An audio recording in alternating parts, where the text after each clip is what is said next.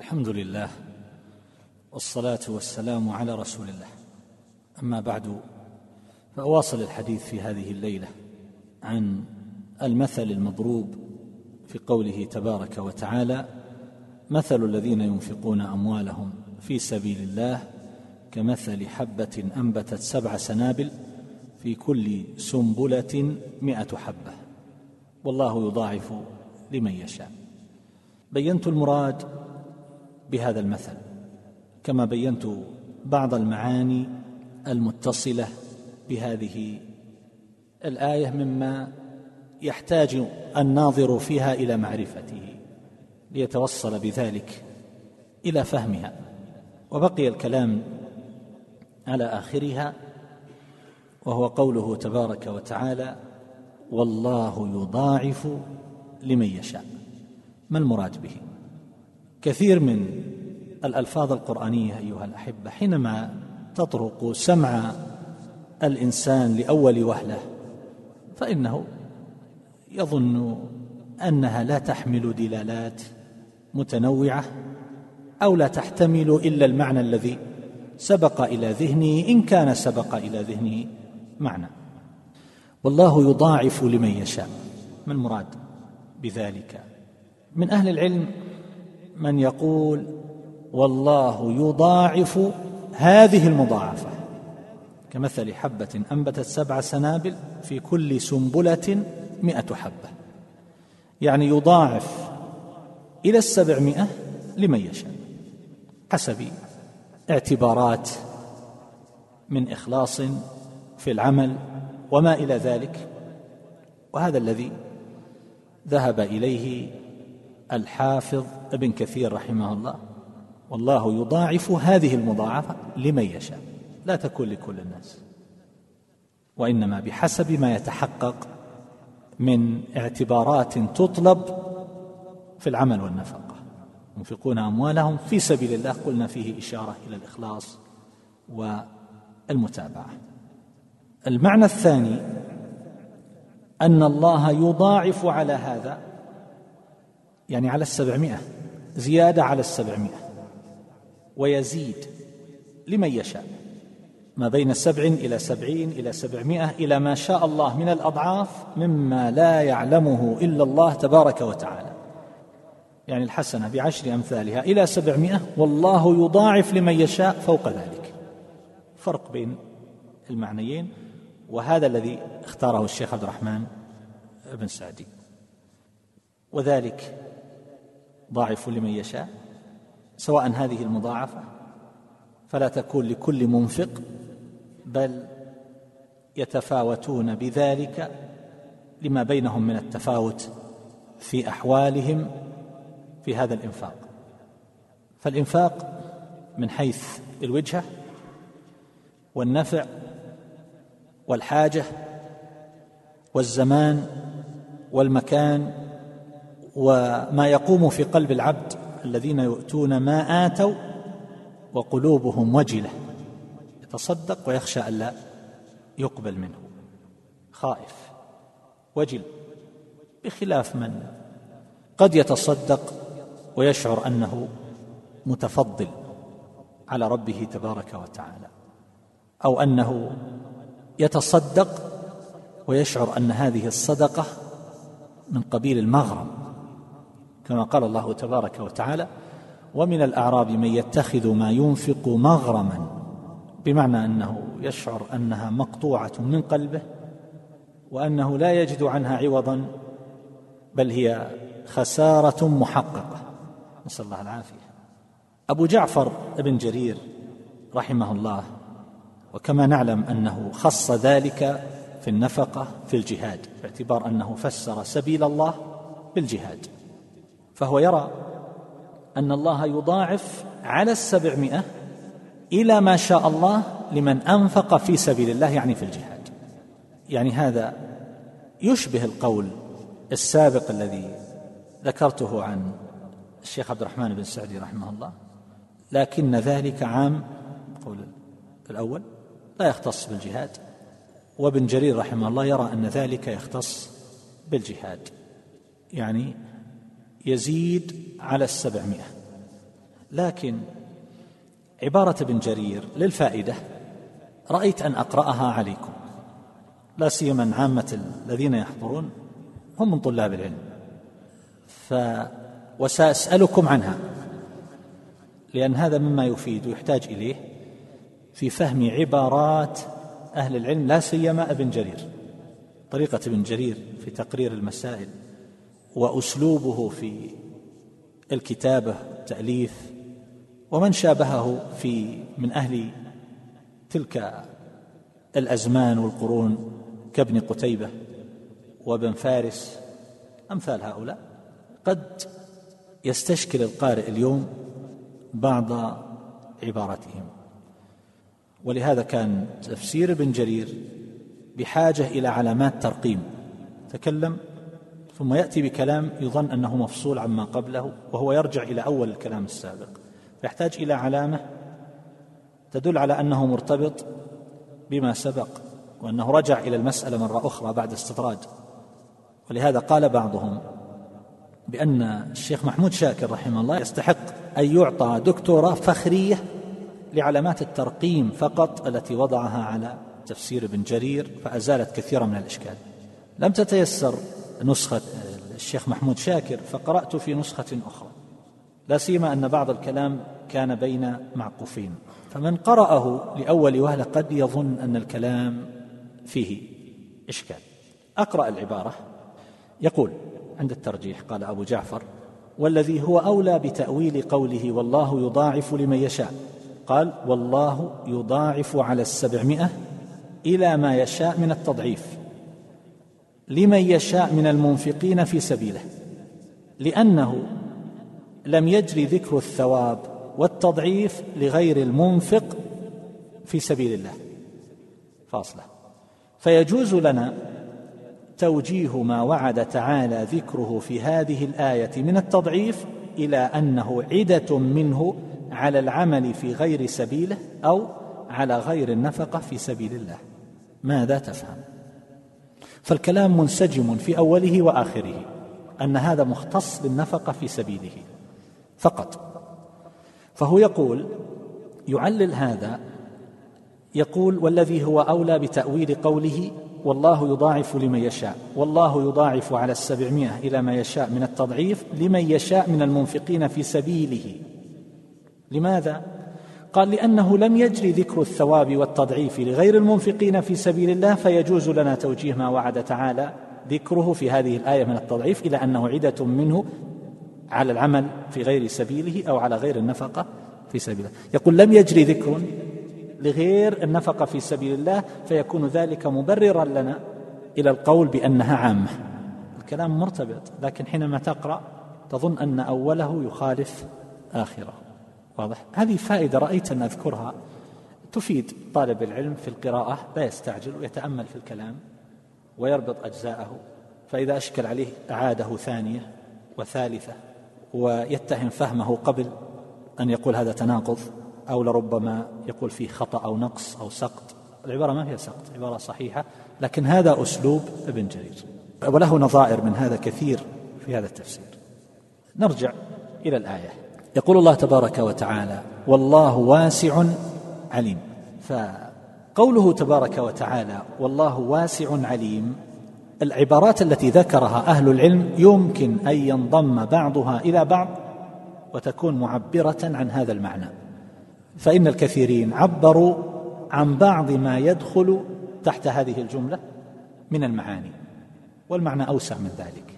ولهذا يمكن أن أنظم عبارات هؤلاء الأئمة في سلك واحد فيكون ذلك مفسرا لقوله والله واسع عليم واسع يعني ذو سعة في جميع صفاته فهو واسع العلم والقدرة والرحمة والمغفرة وغير ذلك من صفاته فإنها صفات واسعة عظيمة عليا كما أنه أيضا ذو علم وهو واسع فيه وعلمه شامل لكل شيء جملة وتفصيلا حاضرا ومستقبلا وماضيا كما أن فضله واسع كثير فهو غني يعطي عن سعة ويزيد من يشاء من خلقه المنفقين في سبيله على ما هو أكثر مما ذكر من السبعمائة إلى أضعاف كثيرة فهو واسع الفضل واسع العطاء لا ينقصه نائل ولا يحفيه سائل. فلا يتوهم المنفق أن تلك المضاعفة فيها نوع مبالغة إلى سبعمائة إلى أضعاف كثيرة لأن الله لا يتعاظمه شيء ولا ينقصه العطاء على كثرته. ومع هذا فهو عليم بمن يستحق ومن لا يستحق عليم بنية من ينفق. وما يقوم في قلبه من الأحوال والمشاعر فهذان الاسمان اللذان ختم بهما. هذه الآية مطابقان لسياقها. فالعبد إذا أدرك ذلك لم يستكثر ذلك في المضاعفة أو يستبعده فالله لا يضيق عطاؤه لأنه واسع العطاء غني واسع الفضل كريم لكن لا يظن أن سعة عطائه تبارك وتعالى تقتضي حصول ذلك لكل منفق. فإنه عليم بمن تصلح له هذه المضاعفة وهو أهل لها ومن لا يستحقها. ولا هو أهل لها فإن كرمه وفضله تعالى لا يناقض حكمته بل يضع فضله مواضعه لسعته ورحمته ويمنعه من ليس من أهله بحكمته وعلمه. هذا جمع لعبارات متفرقة قالها جماعة من أهل العلم كابن كثير والبغوي وابن جرير والسعدي وابن القيم في طريق الهجرتين والشيخ محمد الصالح العثيمين في كلامه على هذه السورة. قبل أن أختم رأيت أن أجمع شتات ما تفرق في الكلام السابق بعبارة موجزة حتى يثبت معنى المثل. من كلام الحافظ ابن القيم رحمه الله في كتاب إعلام الموقعين. فهذا المثل شبه الله تبارك وتعالى فيه نفقة المنفق في سبيله سواء كان المراد بها الجهاد أو جميع سبل الخير من كل بر بمن بذر بذرا. فأنبتت كل حبة منه سبع سنابل اشتملت كل سنبلة على مائه حبة. والله يضاعف لمن يشاء فوق ذلك. بحسب حال المنفق وإيمانه وإخلاصه وإحسانه ونفع نفقته وقدرها ووقوعها موقعها فإن ثواب الإنفاق يتفاوت بحسب ما يقوم بالقلب من الإيمان والإخلاص والتثبيت عند النفقة لأن الله قال وتثبيتا من أنفسهم فابن القيم رحمه الله يقول هو إخراج المال بقلب ثابت قد انشرح صدره بإخراجه وسمحت به نفسه وخرج من قلبه قبل خروجه من يده فهو ثابت القلب عند إخراجه غير جزع ولا هلع ولا متبعه نفسه ترجف يده وفؤاده ويتفاوت بحسب نفع الإنفاق ومصارفه بمواقعه بحسب طيب المنفق وزكاته. إلى آخر ما ذكر. فهذه اعتبارات مفيدة. وبعض الناس إذا أراد أن ينفق فإنه قد يفعل ذلك مجاملة لمن طلب منه حياء. وبعضهم لربما ينفق وهو في غاية التلوم والضيق والتثاقل. وبعضهم لربما أخرجها بطريقة غير مناسبة يعني كأن يقول للفقير أو يقول لمن طلب منه نفقة أو نحو ذلك ربما ألقاه عليه وقال خذ ولا عاد ترجع لنا خذ ولا عاد تجينا أو لربما من عليه بهذا أو لربما أظهر له شيئا من التبرم والضجر والضيق به أو نوع إهانة جرح مشاعره فكل هذا مما يضعف الثواب والأجر بل لربما يرجع معه الإنسان بالوزر. ولهذا قال الله تبارك وتعالى يا أيها الذين آمنوا لا تبطلوا صدقاتكم بالمن والأذى كالذي ينفق ماله رئاء الناس. ولذلك بعض الناس يسأل يقول هل يمكن أن يبطل العمل بعد الفراغ منه؟ الجواب نعم يبطل ببعض الحالات مثل التسميع مثل المن والأذى في الصدقة فإن ذلك يبطله. لكن العبادة التي لو صلى صلاة وقال أنا ما أريد هذه الصلاة اللي صليت أريد أن أعيد بخشوع أكثر. نقول خلاص هي وقعت فرضا العشاء انتهينا. لا مجال لكن بطلان الثواب هذه مسألة أخرى لو سمع بها فإن ذلك يبطلها السمعة. أما الرياء فهو من الرؤية فهذا أثناء العمل. والمقصود أيها الأحبة نحن حينما نعرف مثل هذا المثل كمثل حبة أنبتت سبع سنابل. ما الذي نخرج منه؟ هو الإقبال على النفقة. ثقة بما عند الله عز وجل من العوض. ولذلك لو قيل للناس أيها الأحبة كنا نقول هذا أيام الأسهم الناس في أوضاع تعرضهم الصحف أحيانا أو بعض الصحف في صفحاتها الأولى بأوضاع مخجلة. أحيانا لا يوجد لهم مكان في بعض البلدان إلا في ملعب رياضي كبير يتجمهرون ورأينا صورا أناس يذهبون قبله بيوم أو نحو ذلك ينامون في الأرصفة وفي مساجد وفي حدائق. وعند هذا الملعب مثلا يفترش عند سيارته ينام. أوضاع مؤسفة. من أجل ماذا؟ من أجل أن يحصل على خمسة أسهم. السهم لربما بعشرة ريالات أو خمسين ريال. أضربها. كم تطلع يعني النتيجة؟ هي ما تساوي المشوار ولا تساوي السراء الطابور ولا تساوي الوقفة ولا تساوي ذهاب ماء الوجه.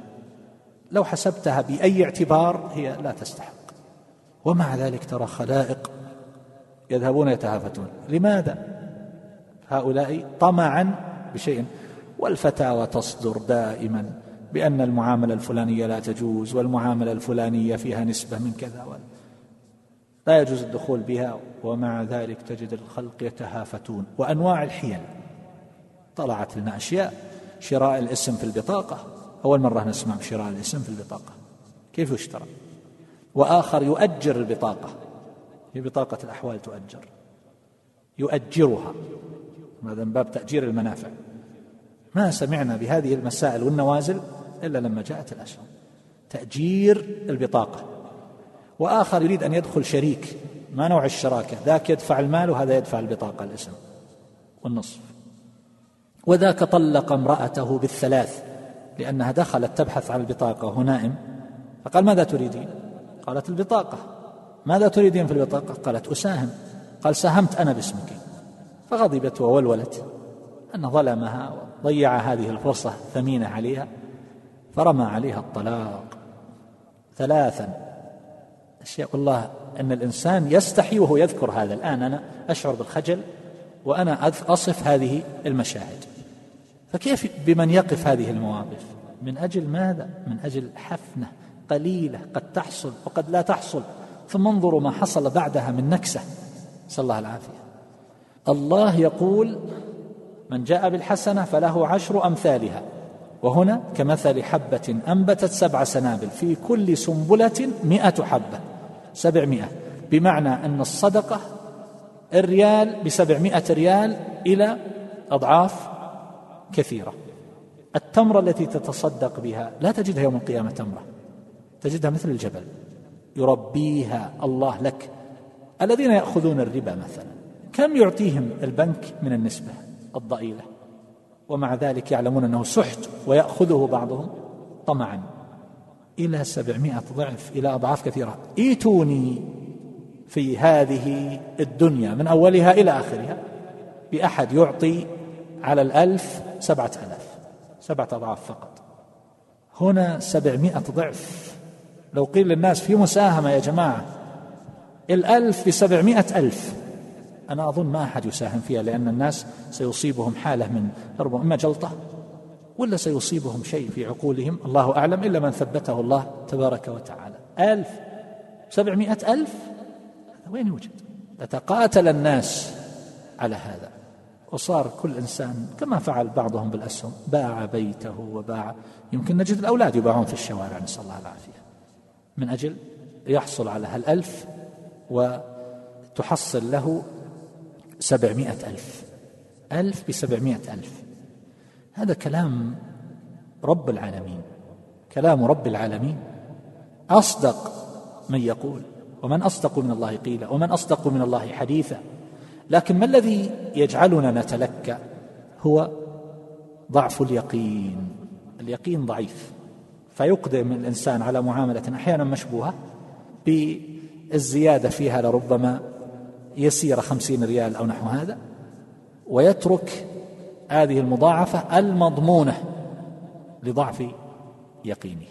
ولو أن الواحد منا سائل الآن ونحن لا زلنا في هذا الموسم العظيم وفي أجل أيامه في وسط هذه العشر هذه الليلة ليلة السادس والعشرين. لو جلس الإنسان مع نفسه جلسة بسيطة جدا دقائق ونظر كم أنفق خلال شهر رمضان؟ كم أنفق في سبيل الله؟ كم أنفق كم أعطى كم تبرع كم ولا لأحد عذر. يعني ما يحتاج الإنسان كما كان الوضع قديما يبحث عن الفقراء ويذهب ويتلمس ويتحسس وكذا. لا الآن جمعيات قائمة ترعى الفقراء وعندها الأسماء وعندها كل ما يتعلق بالأسرة من دراسة وتفصيل موجود. ويستطيع الإنسان أن يحوله في بيته لحساباته والحسابات تأتي على هواتفنا لهذه الجمعيات في جمعيات معروفة. وكل إنسان بحسبه. ف نسأل الله عز وجل أن يلهمنا رشدنا وأن يعيننا على أنفسنا ويرزقنا وإياكم اليقين والثبات وأن يرحم موتانا ويشفي مرضانا يجعل آخرتنا خيرا من دنيانا. الله أعلم. صلى الله على نبينا محمد وآله وصحبه.